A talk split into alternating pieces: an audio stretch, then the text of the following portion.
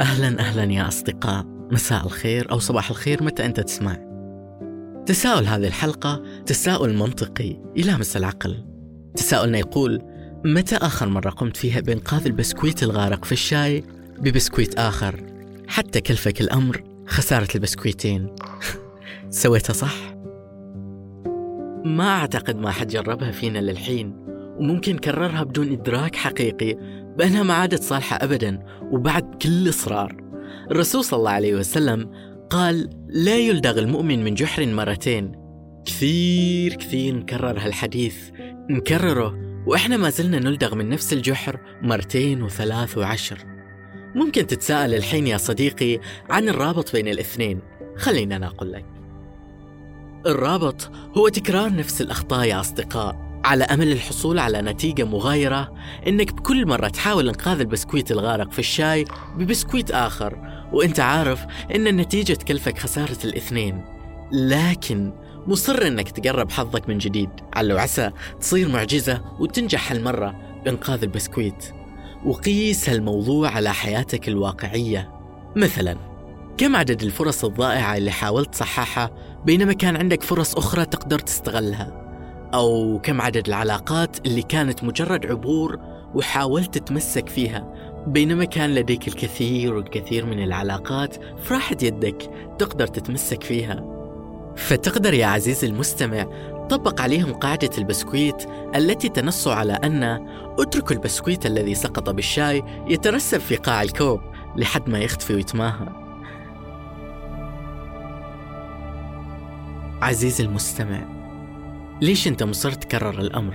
اسأل نفسك هالسؤال كرره وعيد صياغته حسب حاجتك أنت ليش أنا مصر أحاول في نفس العلاقة؟ ليش أنا مصر أسلك نفس الطريق مثلا؟ أو ليش أنا مصر أتمسك بهذا الخيط؟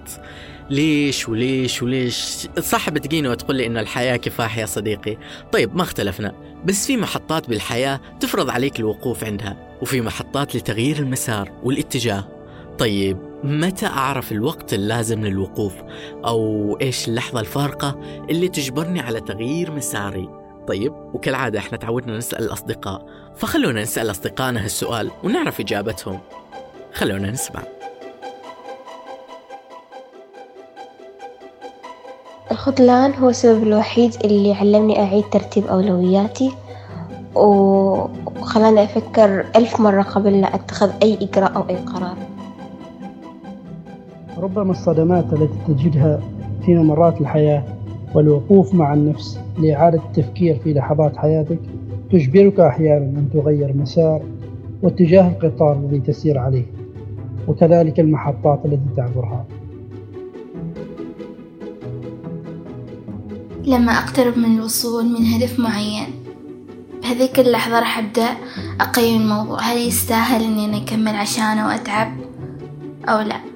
بهذه اللحظة راح تكون فارقة بإني أنا هل أكمل أو أبدأ مشوار جديد لهدف جديد. محطات صعبة مريت بها وغيرتني للأبد. هي الثلاث أيام الأخيرة.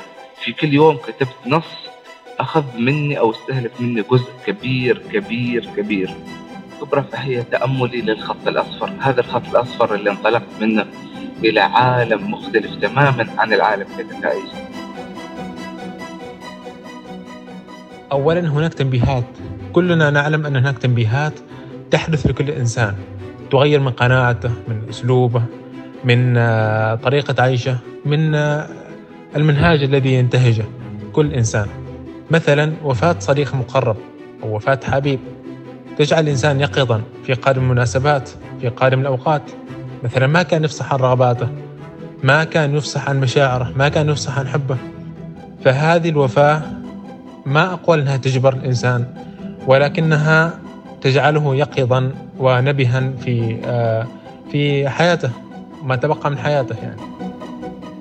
بالنسبة لي اللحظة الفارقة في حياتي هي لحظة الفشل لأنه بعد كل فشل أبدأ أعيد آه، ترتيب أولوياتي أفكر إنه هل في مجال إني أنا أكمل؟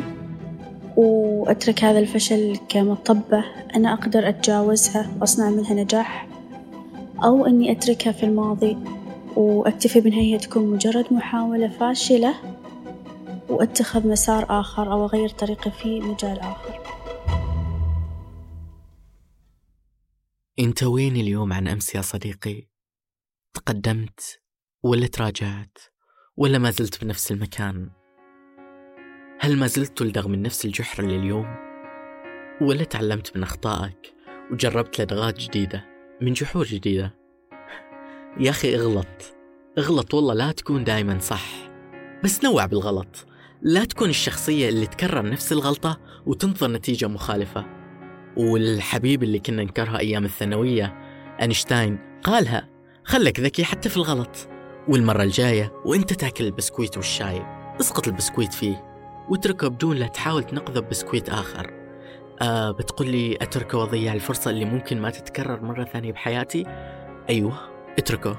إذا كنت تشوف إنه بيكلفك خسارته وخسارة الكثير وراه أحيانا التخلي قوة. خلك قوي. سلام.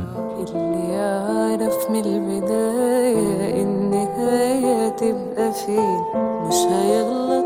في اختياره بس نعرف ده منين كنت آخر مرة آمن واللي آمن بس مين؟ ما افتكرش أحب تاني.